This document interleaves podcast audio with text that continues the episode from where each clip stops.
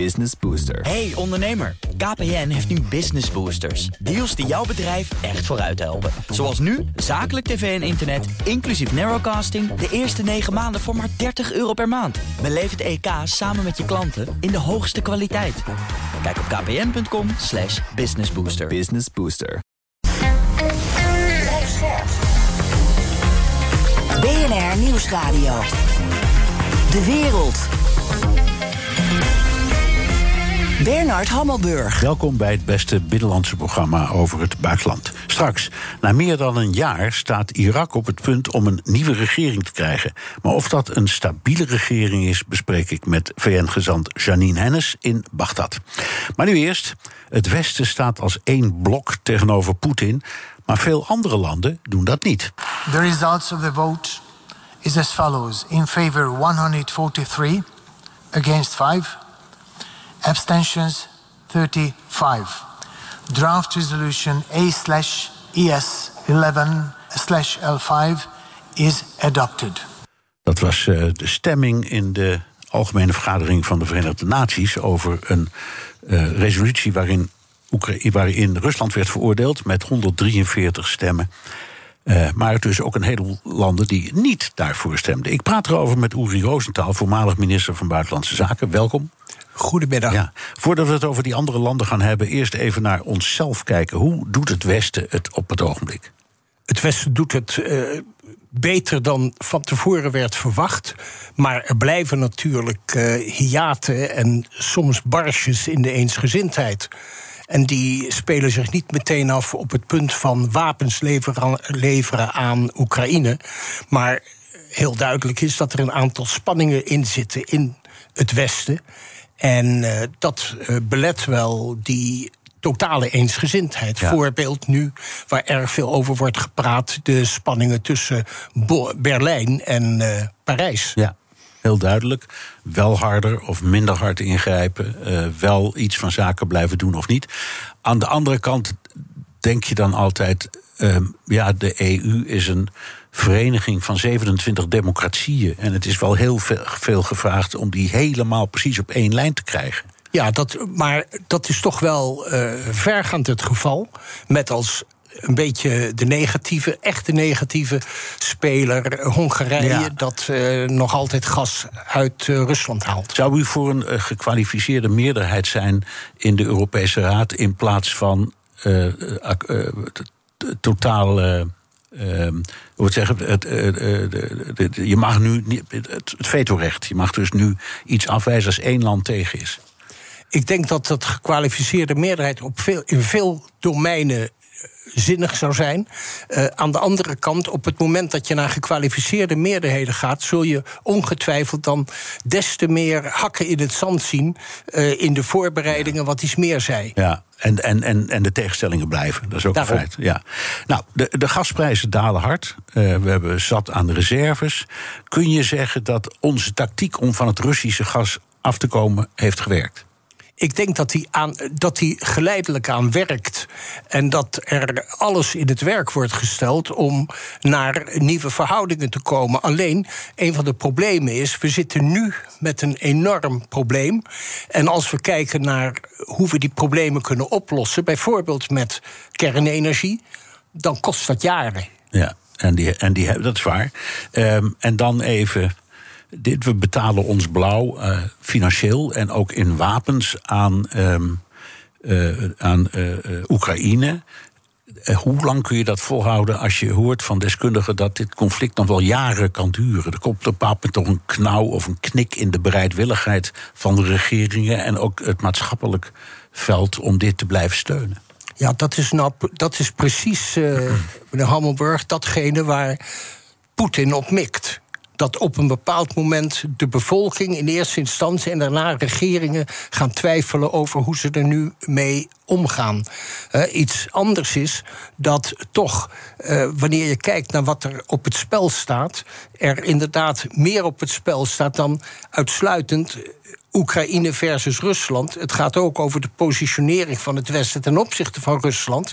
En wat ook vaak wordt gezegd, als wij nu de zaak een beetje zou uh, verzachten, dan uh, voor je het weet is dat voor de agressor aan Russische zijde reden om dan nog meer zijn klauwen in de richting van Europa uit te zetten. Nou, nou even kijken naar eh, de positie van Poetin. Wij in het Westen hebben het gevoel dat door wat we doen met alle problemen die we hebben binnen de, de NAVO of binnen de EU, het gaat niet allemaal vlekkeloos, maar toch dat we echt wel bezig zijn om Poetin te isoleren. Maar als je kijkt naar die stemming in de Verenigde Naties, dan was daar wel een ruime meerderheid die een resolutie steunde. Dat ging dan om die annexaties hè, en om. om, om uh, van, maar uh, niet iedereen. Nee, niet iedereen. Sterker nog, als je kijkt naar de landen en de wereldbevolking. dan moet je al meteen zeggen dat twee van de meest uh, bevolkingsrijke landen, China en India dus in elk geval niet uh, mee hebben gestemd tegen Rusland in die beide anti-Rusland-resoluties die in de Verenigde Naties zijn geweest. En China en India bij elkaar zijn goed voor een kleine 3 miljard inwoners. En mag ik er nog één ander feitje aan toevoegen? Uit een groot onderzoek van Cambridge University, net gepubliceerd, blijkt dat wanneer je de bevolking van de weer in de wereld gaat vragen hoe ze tegenover China, maar met name natuurlijk tegenover Rusland staan, dan blijkt dat van de wereldbevolking zo'n 7 miljard voor twee derde een positief gevoel heeft bij Poetin. En dat is dus iets totaal anders dan het beeld dat wij ervan hebben. Ja. Um, de stemming ging over de annexaties eh, door Rusland van stukken van Oekraïne. Um, en landen zoals Brazilië, Qatar, Saudi-Arabië. Die schaarden zich achter het Westen. Maar China, India, Pakistan, noemt er nog uh, anderen een heleboel niet. Hoe komt dat en wat zegt dat? Wat is hier aan de hand? Wanneer het gaat om de landen die dus uh, met name ook zich van stemming onthielden. Ja, zullen we beginnen bij China, de grootste, de belangrijkste? Nou, China is heel duidelijk. Er wordt van meet af aan, toen de uh, oorlog begon in februari, werd gezegd dat China uh, toch eigenlijk wel een soort van bemiddelingsrol wilde gaan spelen in dit conflict. Dat is tot nog toe niet het geval. Integendeel, als ik de berichten van de laatste tijd ook goed proef, dan is het eerder zo dat China de banden met Rusland verder nu aanhaalt dan dat ze uitdunt. Ja, um, maar goed, um, wij, wij, wilden graag dat China ons een beetje zou steunen. Ze hebben zich onthouden van. Wat betekent onthouden van stemming in dit geval? Dat betekent uiteraard wel dat men in de richting van Poetin het signaal geeft. Uh, wij letten op wat je doet eigenlijk is het wat je doet niet zo erg handig en verstandig. Maar tegelijkertijd heeft China natuurlijk ook andere belangen dan alleen met betrekking tot de oorlog in, uh, in Europa. China heeft uh, ten eerste natuurlijk nu het voordeel dat ze goedkope gas uit, uh, en olie vanuit Rusland kunnen betrekken. Dat is één. En in de tweede plaats, als je het op het wereldtoneel bekijkt, dan is er sprake van als je dan het even bij elkaar zet van eigenlijk drie blokken. Het ene blok is het Westen, nou daar hebben we het over gehad. Het tweede blok is het blok van de autocratieën in de wereld. En dat zijn dus landen als China, Rusland, Iran en nog een aantal andere. En dat moet je niet onderschatten. En het derde blok, als je dat gek genoeg zou zeggen, is dus geen blok. Maar dat zijn die landen die een beetje ongebonden naar de zaken kijken. Als ik nou kijk naar die ongebonden landen, is dus ook interessant dat uh, op dit ogenblik, dat in die anti-Rusland-resolutie.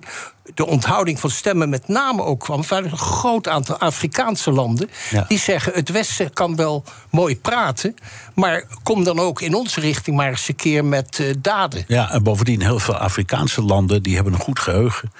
En die weten dat in de tijd van de vrijheidsbewegingen het de Sovjet-Unie was die al die vrijheidsbewegingen ondersteunde. Zeker. En, en, die, en, dat hebben ze allemaal, ja. dat leren ze op school. En die denken, dus je moet tegen Russen aardig zijn, want dat zijn de erfopvolgers van die Sovjets. Zeker. En, en opvallend is natuurlijk als je naar Afrika kijkt, kijk je meteen, meteen ook helemaal naar uh, beneden. En dan zit Zuid-Afrika. En Zuid-Afrika, tot onze teleurstelling, heeft zich dus ook steeds van stemming onthouden. Ja, dat is ook heel. Hoe verklaart u dat? Want dat was, is dat ook nog steeds oud zeer? Ik denk dat dat oud zeer is, ja. En, en, en bovendien speelt in, in dat hele Afrika voortdurend dat, dat punt van. met de, Chi- de Chinezen komen bij ons binnen. Nou, daar hebben ze niet altijd even goede ervaringen mee. Maar met de Russen hebben ze, wat dat betreft, dus hele oude banden vaak gehad. Ja. En dat speelt dus nog altijd in, die, in dat beeld van de dekolonisatie een rol. Ja. Vorige week was eh, sinoloog Hen- Henk Schulte-Noordholt hier, zat in uw stoel. Eh, die zei dat China eigenlijk niet zo in het buitenland is geïnteresseerd. En zich daarom ook een beetje afzijdig wil houden. Wat voor middelen heeft het Westen nou om dan toch wat meer gehoor te vinden bij China? Ik denk dat dat op dit ogenblik heel moeilijk is om gehoor te vinden bij China. Want China bekijkt het toch vanuit Chinees oogpunt. En dan is de grote tegenstander op dit ogenblik de rivaal. Eerst en vooral Amerika. Amerika voert de coalitie tegen Oekraïne aan. En dat betekent dus per definitie dat China niet direct staat te trappelen om zich als het ware met Amerika dan te verbinden. Dit is BNR De Wereld. Mijn gast is Uri Rosenthal, voormalig minister van Buitenlandse Zaken. The relations between Russia and India are developing. I know about your position on the conflict in Ukraine. I know uh, that you share these concerns. And we want all of this to end as soon as possible. Dat was een vertaald stukje van Poetin die het heeft over India. Ook dat land onthield zich vooralsnog. Ehm, u had het er net al over, meneer Rosenthal. Ehm, India was in de vorige eeuw eh, medeoprichter van een groep van ongebonden landen in de Verenigde Naties. Die, die werd toen de, de G77 genoemd, waren 77 landen. Is dit nou echt onpartijdigheid wat nog daar naartoe teruggaat, of is het opportunisme? Ik denk niet dat het oppor- opportunisme is. Ik denk wel dat er een, ja, een hele diep gewortelde wantrouwen in al die landen zit ten opzichte van het Westen. En dat onderschatten we wel. En ik zou bijna durven zeggen dat dat wantrouwen sterker is naar het Westen dan naar bijvoorbeeld Rusland.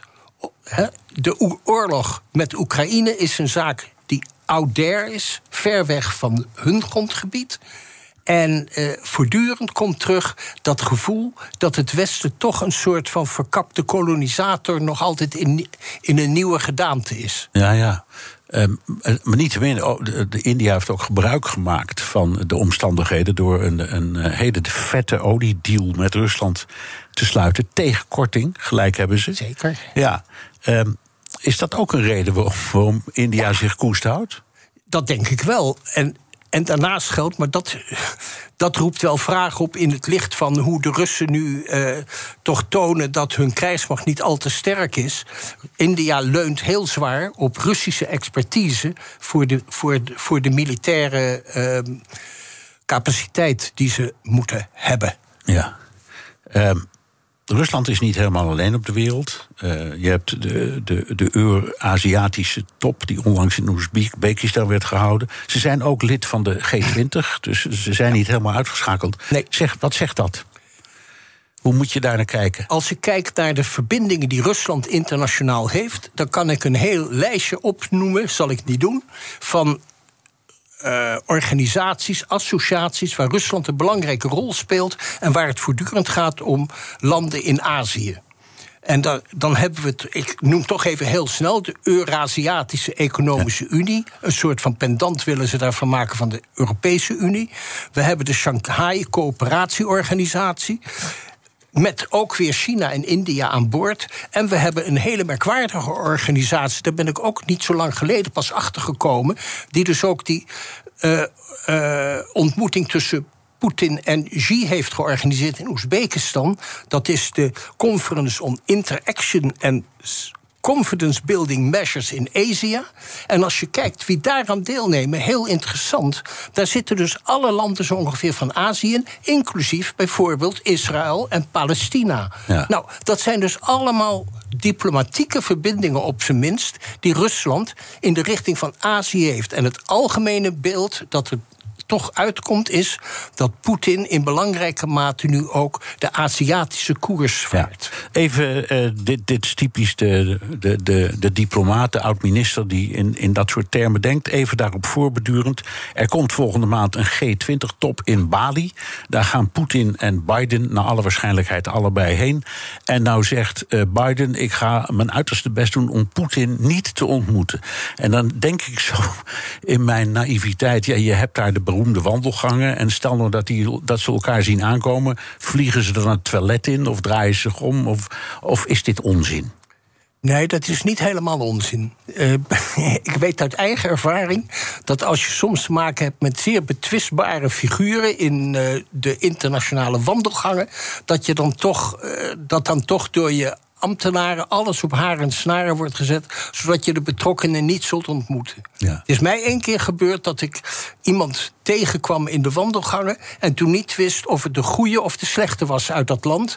En toen werd ik gelukkig door de gong gered. Ja. Was dat bij de VN toevallig? Dat was bij de VN en dat ging toen over Ivoorkust, waar twee ja. uh, types elkaar uh, bevochten.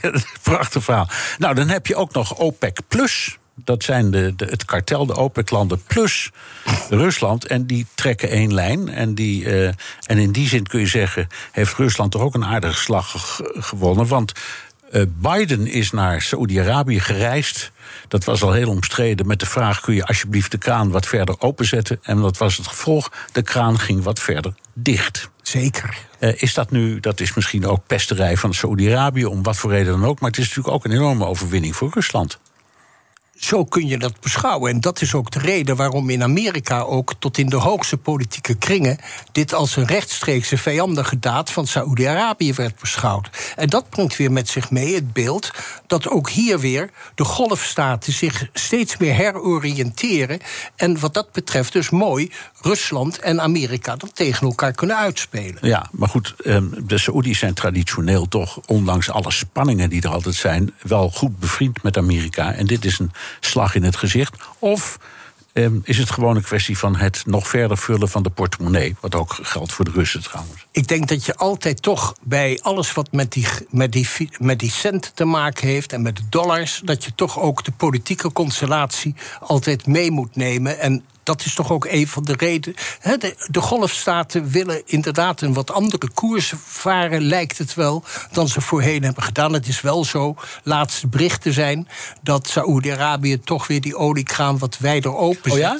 Dat heb ik tenminste ergens nou, opgepikt. Ja. Dus, uh, het is belangrijk nieuws, want dat zou onmiddellijk gevolgen moeten hebben voor de, de markt. En in ieder geval de spanning op de markt. Want dat is voor een deel kunst, kunstmatig, maar het komt wel degelijk door die Saoedische oliekraan. Dat klopt. Ja. Um, even heel kort nog. Ja. Moeten wij westerse landen beter ons best doen om landen als India en Pakistan en Zuid-Afrika, noem ze allemaal op, te bewerken? Absoluut. Ja.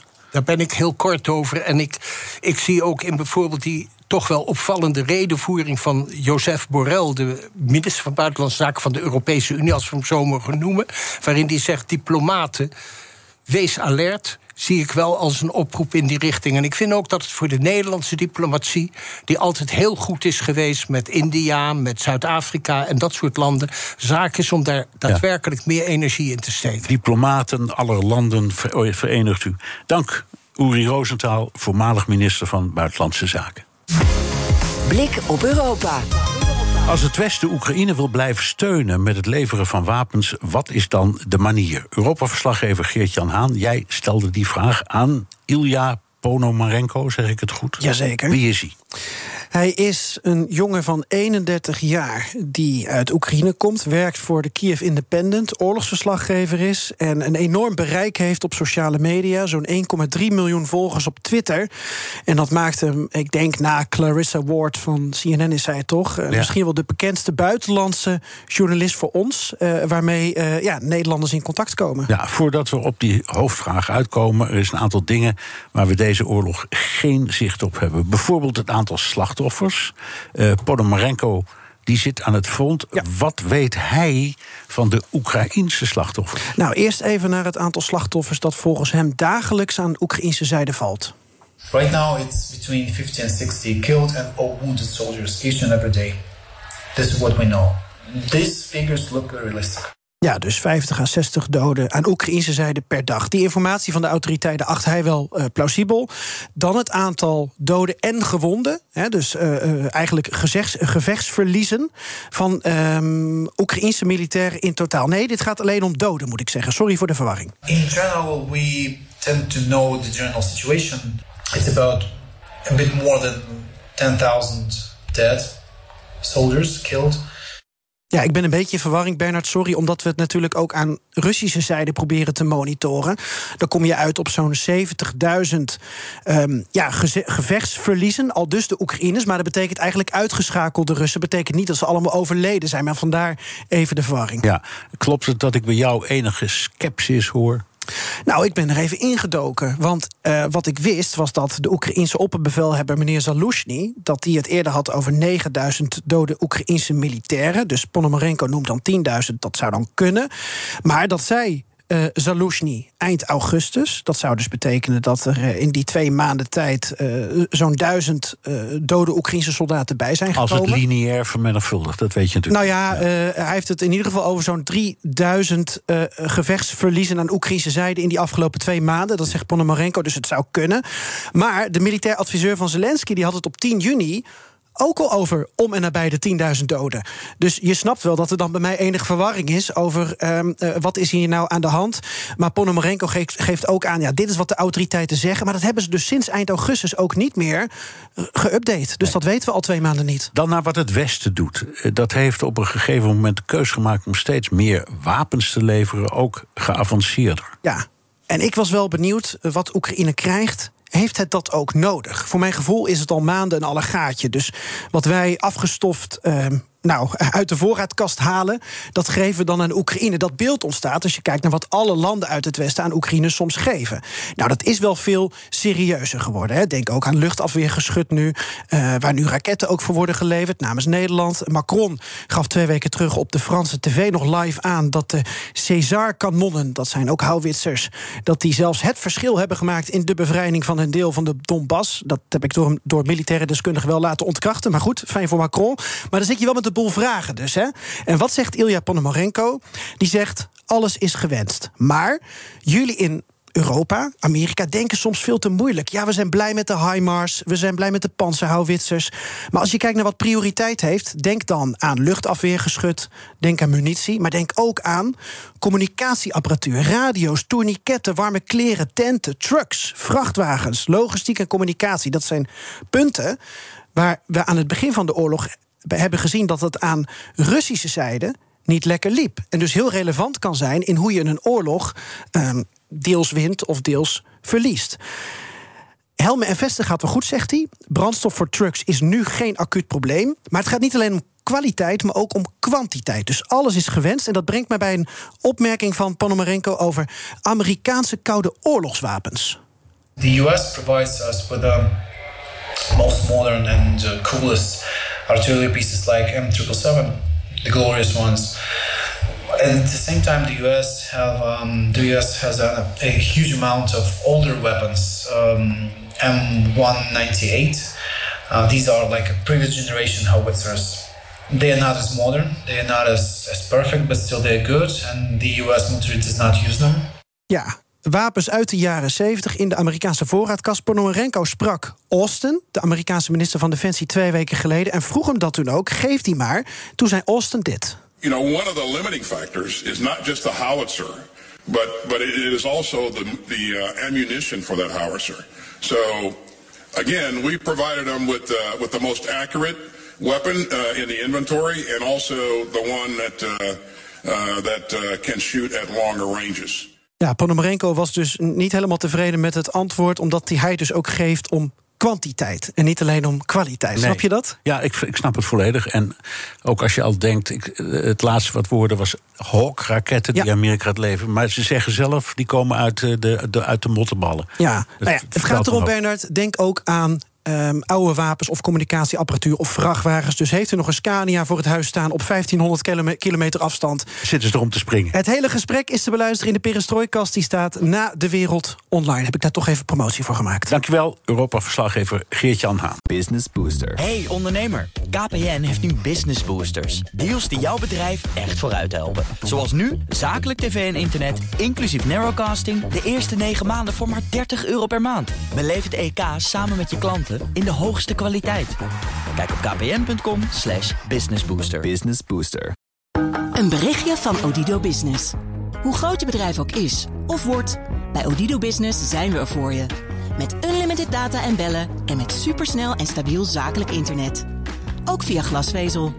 Ontdek wat er allemaal kan op odido.nl slash business. Het kan ook zo.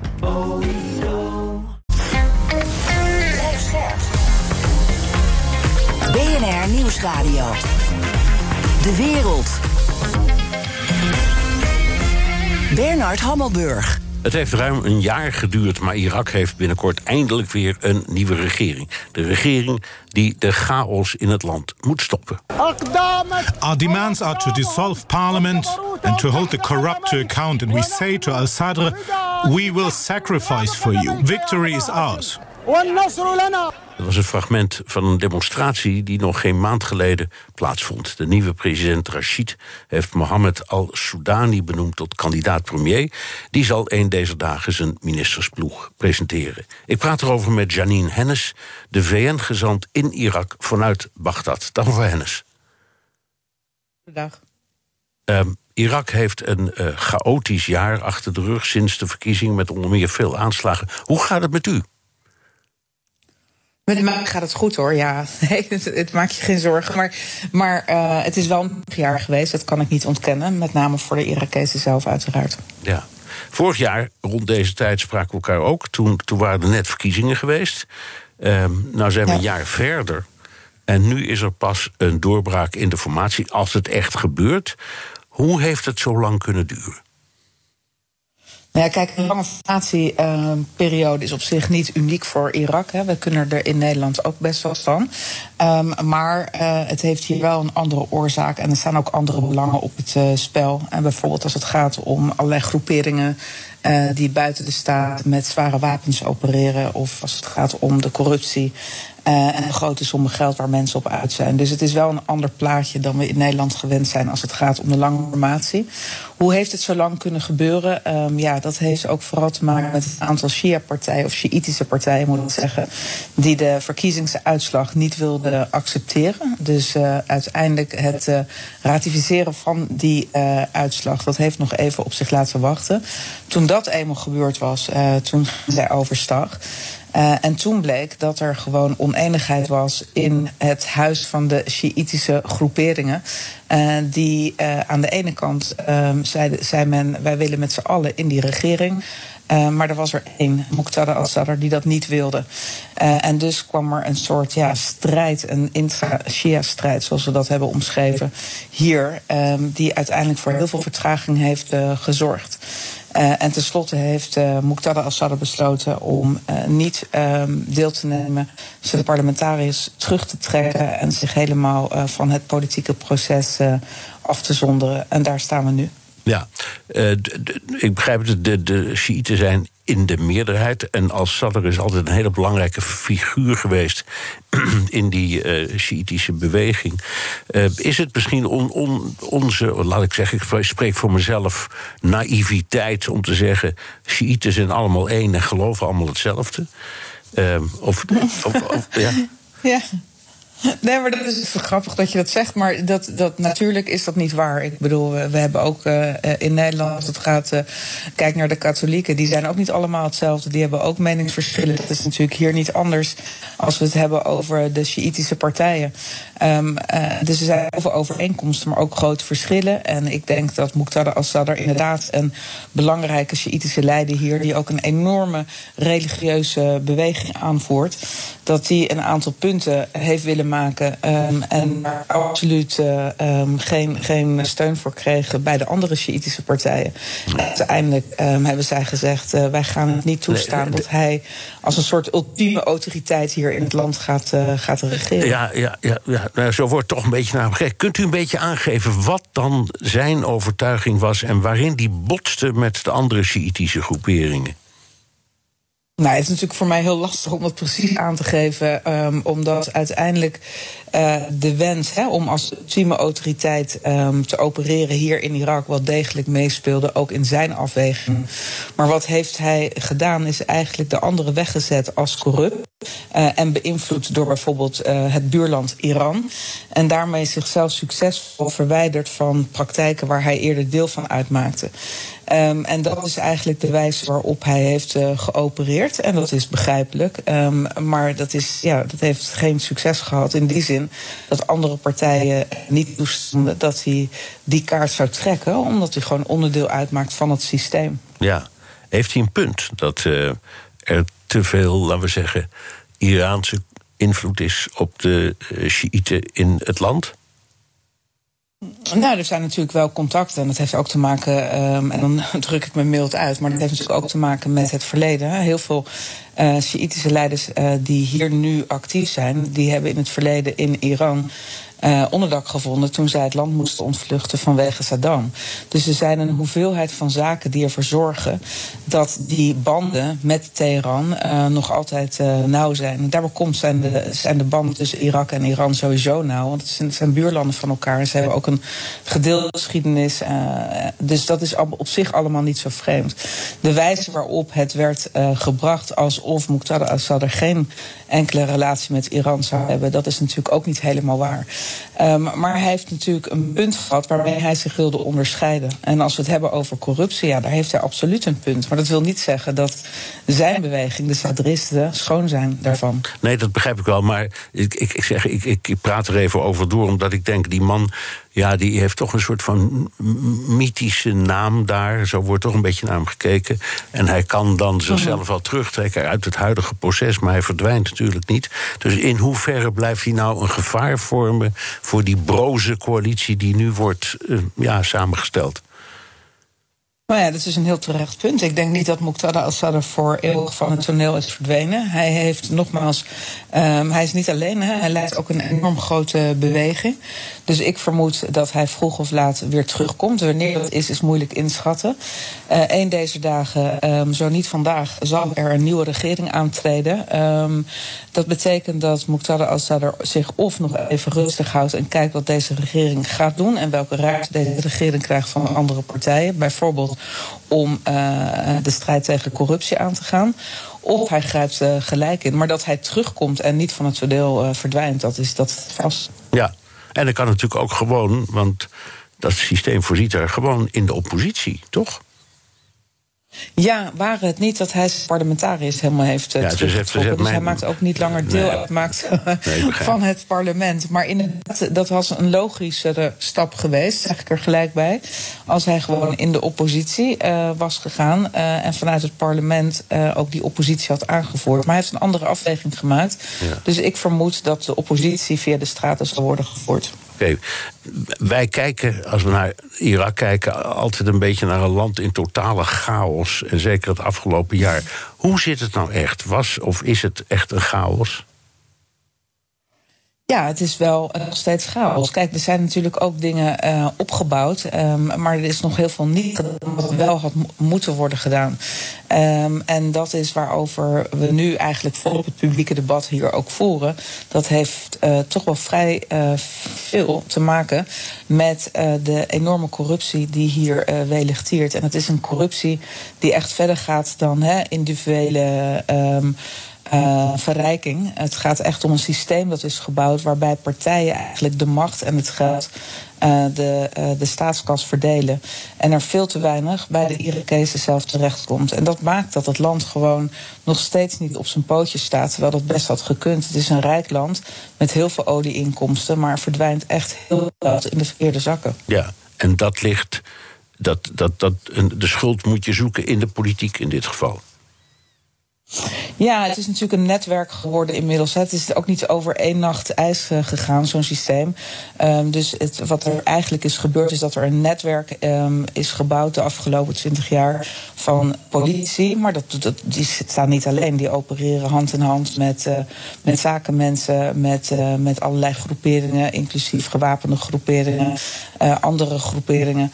Ja, um, de lijst is lang, maar uiteindelijk gaat het erom dat dat netwerk ervoor zorgt dat er heel veel gelden uh, die naar de Irakezen zelf zouden moeten gaan, bijvoorbeeld uh, in de vorm van elektriciteit, water, voedsel, nou, ga zo maar door. Ja, de Irakezen worden niet bereid. Um, en um, wat ik gisteren hier ook besprak met iemand, is dat het in de politiek gaan, of het besturen, wordt helemaal niet gezien als een roeping of een beetje een bijdrage wil leveren iets goeds. Hè? Ik zeg niet dat het voor iedereen geldt, maar voor heel veel mensen wordt het uh, eigenlijk um, beschreven als een extra ja, inkomstenbron. Uh, dat is natuurlijk al een heel bizar uitgangspunt als je kijkt naar wat je zou moeten drijven als politicus of als bestuurder. Um, dus het systeem, hè, het is echt wel ingewikkeld uitleggen in een paar zinnen, maar wat is gebouwd, dat gaat veel verder dan de politici en de bestuurder. Um, want uiteindelijk zie je, als je kijkt naar de ministeries hier, die zie je eigenlijk opereren en um, onder leiding van de politieke partijen. En niet zozeer van een minister die heel goed een technocraat uh, kan zijn. Dus die politieke partijen, uh, die zitten overal. En die hebben een, een netwerk opgebouwd uh, wat, wat ongekend is. Ja. Is het, is misschien een rare vraag, maar is deze hele redenering ook een beetje een projectie van onze eigen opvattingen? Want wij vinden dat een parlement en een regering moet bestaan uit mensen die ja, zeker idealisme hebben, of, of een standpunt willen verdedigen, of macht willen, of waar, waarom je ook in de politiek gaat. Maar klaarblijkelijk zien ze het daar als um, ja, aandeelhouder in de BV Irak of zo. ja, ik weet niet hoe, goed je, hoe je dit goed moet omschrijven. Omdat het, um, als je, je moet echt teruggaan in de tijd om dit systeem te begrijpen en waar het vandaan komt. Uiteindelijk um, is het interessant om te kijken wat er is gebeurd na het uh, uh, verdrijven van uh, Saddam Hussein. En hoe partijen toen eerste coalities zijn gaan vormen. En eigenlijk ook de eigen mensen zijn gaan plaatsen in ministeries op bepaalde uh, functies. Waarmee zij controle konden uitoefenen op die ministerie. Uh, dat zou voor de beginperiode niet zo vreemd zijn geweest. Omdat ze toen nog hè, spraken over alle Saddam-ambtenaren, de Batisten die daar nog zaten. Um, maar door de jaren heen is dat gegroeid tot een heel ja, gecontroleerd netwerk. Um, wat ervoor zorgt, wat ik net zei, dat die ministeries eigenlijk opereren als dienaar van de partij. En niet uh, als dienaar van de staat. Nee. Dit is BNR De Wereld. Mijn gast is Janine Hennis, de VN-gezant in Irak vanuit Bagdad. Uh, uh, mevrouw Hennis, uh, u, u, zit in, in de groene zone in, in Bagdad. Die komt, zelfs die komt af en toe onder vuur. Moet u, moet u trouwens vaak, vaak de schuilkelder in of, of oppassen of wegduiken? Nou, in augustus en september was het wel uh, met regelmaat uh, raak. Met na eind augustus was de situatie uh, heel slecht. Uh, toen er grote gevechten in uh, de groene zone uitbraken. dat was bij ons om de hoek, dus dat was uh, buitengewoon onprettig. Toen dat gebeurde was ik overigens buiten de groene zone toen dat van start ging. En kon ik ook niet meer over de weg terug naar mijn eigen kantoor. Um, en moest ik uiteindelijk met een, met een helikopter op het ja. dak van mijn kantoor worden gedropt. Um, maar dat, dat, weet je, dat hoort ook wel bij dit werk, um, moet ik gelijk zeggen. Het hoort erbij dat het af en toe heel spannend is. Ja. Um, en uiteindelijk um, is het zo dat wij geen target zijn. En dat, uh, dat is dan de garantie die ik heb. Dat, dat, dat begrijp ik. U, u zegt tijdens die aanvallen was u niet in de, in de groene zone. De, u was dus ergens. Nou, toen die van start gingen. Nee, dat begrijp ik, dat begrijp ik. Maar de, het is eigenlijk een opmaat naar een, naar een andere vraag. U ziet meer dan alleen de hoofdstad. Dus geef, geef eens een, een, een, een, indruk van het land. Want het, het was altijd uh, de min of meer autonome Koerden in het noorden, de Shiiten in het zuiden en dan de Soenieten in die centrale zone. Maar die, die zijn eigenlijk koud gesteld in, in, na, de, na de val van Saddam. Dus hoe ziet het, wat is nu het beeld van het land dat u krijgt? Ja, nee, kijk, de, de, de Koerdische regio in het noorden is nog steeds uh, een feit. En die opereren op zekere hoogte zeer autonoom, maar maken natuurlijk wel deel uit van uh, federaal Irak. Uh, het zuiden is inderdaad veel meer, um, ge, wordt veel meer geleid en ook bezet door de uh, Shiiten. Uh, en dan halverwege heb, hebben we natuurlijk gewoon ook hele grote Soenische uh, gebieden. gebieden. Um, Soenitische gebieden, sorry. Ik begin nu alle talen door elkaar te spreken. Excuses. We zijn er nog hoor. Maar ja. um, ja, gelukkig. Um, maar, um, um, en dat zorgt er ook voor dat er nog steeds heel vaak wordt gesproken over een eventuele opsplitsing van Irak als een serieuze mogelijkheid. Als ze niet in staat zijn om he, de etnosectarische verschillen te overbruggen. Dat is nu weer een beetje weggezakt, maar je ziet toch dat dat met enige regelmaat uh, terugkomt. Ja. Het noorden is uh, bergachtig groen, prachtig. Het zuiden is natuurlijk een stuk droger met ook woestijn en veel moerasland. Uh, maar het blijft en is een prachtig land, Irak. Ja, het Iran bemoeit zich met de situatie. Zou Iran graag, laten we maar zeggen, die, als ik het zo mag noemen, die Koreaanse oplossing willen? Dat het land dus in stukken uiteenvalt. Um, en zou Iran dan denken, dat is fijn, want dan hebben wij een groot, machtig, uh, bolwerk als uh, ja, bondgenoot?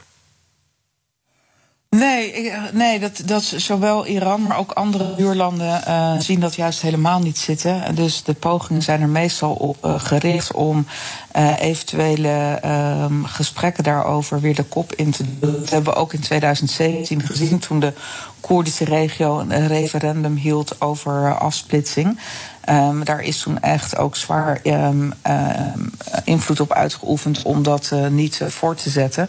Dus daar is Iran uh, niet mee bezig. Waar ze wel heel veel erg mee bezig zijn, is de eenheid, de Sjiitische eenheid in Irak.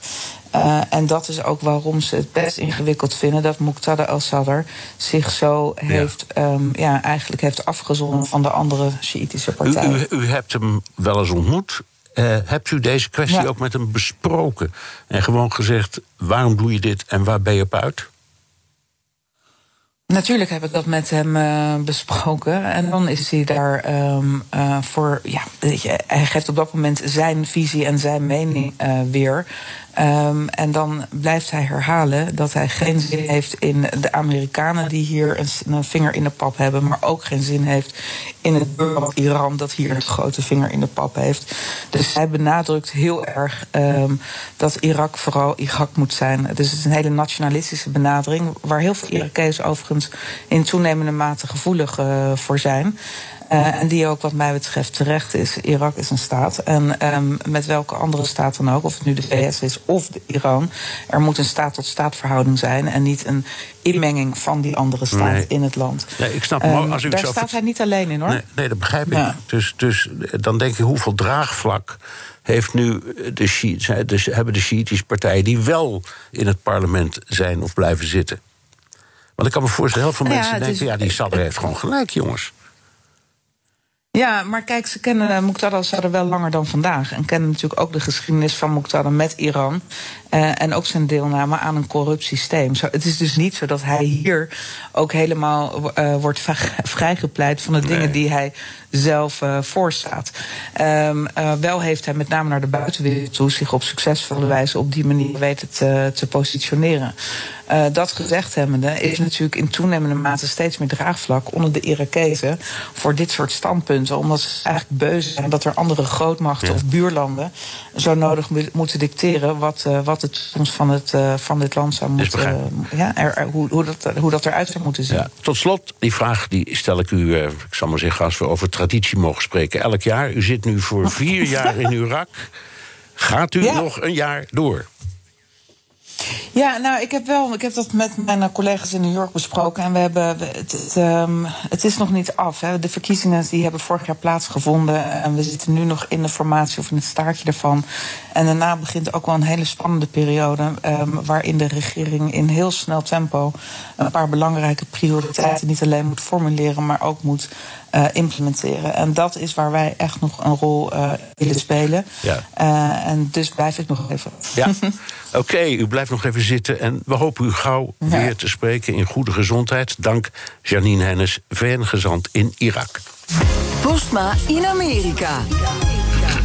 Tijd voor het Amerikaanse nieuws door de ogen van onze correspondent in Washington, Jan Postma. Jan, het was de week van de debatten. Eerst maar even de staat Florida, waar gouverneur Ron DeSantis het opnam tegen zijn democratische tegenstander. Ja, en DeSantis is een beetje de kroonprins hè, van het Trumpisme. Hij wil herkozen worden in Florida. Hij is ook duidelijk favoriet, heel populair daar. Maar er hangt ook een duidelijke zweem van presidentiële ambitie boven hem. En dus uh, vroeg Charlie Crist, dat is uh, zijn democratische tegenstander, die vroeg aan hem: Maar maak jij die vier jaar wel vol als jij herkozen wordt? Of word je dan presidentskandidaat? Nou, DeSantis blijft stil en dan vraagt Crist het nog een keer. Yes or no, Ron? Will you serve a full four-year term if you're re-elected governor of Florida? It's not a tough question. It's a fair question. He won't tell you. We did not agree on the candidates asking each other questions. Governor, it's your turn. Well, listen, I know that Charlie's interested in talking about 2024 and Joe Biden, but I just want to make things very, very clear.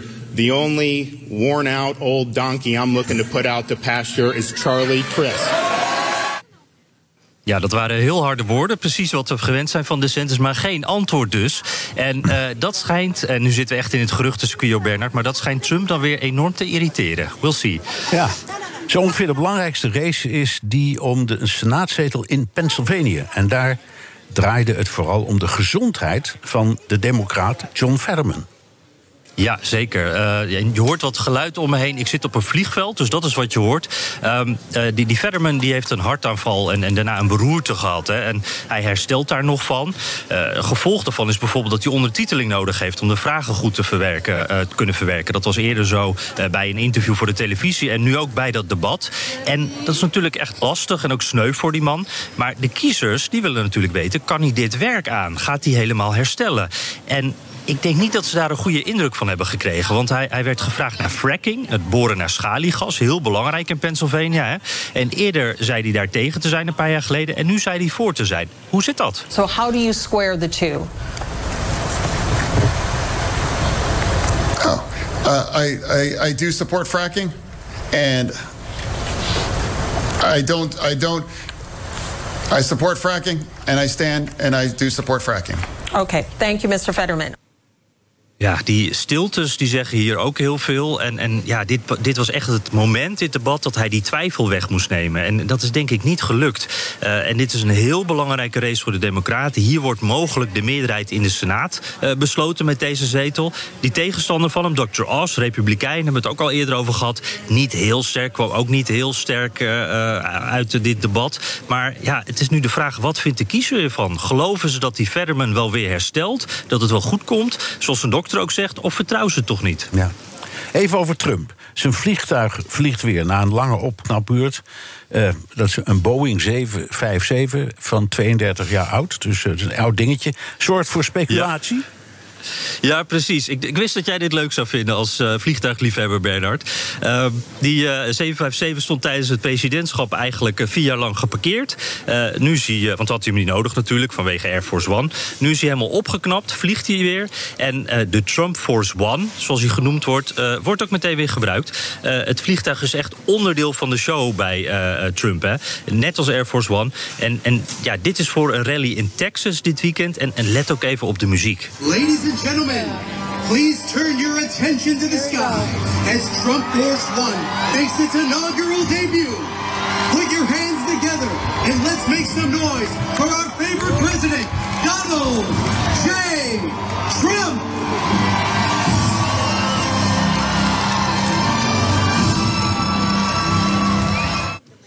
Mooi, hè? Het is de, de, bijna de openingsscène van Jurassic Park. Zo klinkt die muziek erbij. Ja. En er wordt natuurlijk gezegd en gespeculeerd... dit is een aanwijzing. Ja. Dat vliegtuig is er weer. Nu kan hij op campagne. Hij wordt presidentskandidaat. Ja. Maar ja, of dat gaat gebeuren, dat weet ik niet, Bernard. Oké. Okay. Dankjewel, Jan Postma, onze correspondent in Washington. Wilt u meer horen over dat fascinerende land? Luister dan naar de Amerika-podcast van Jan en mij. En tot zover BNR De Wereld. Terugluisteren kan via de site, de app, Spotify of Apple Podcast. Reageren kan via een mailtje naar dewereld.bnr.nl.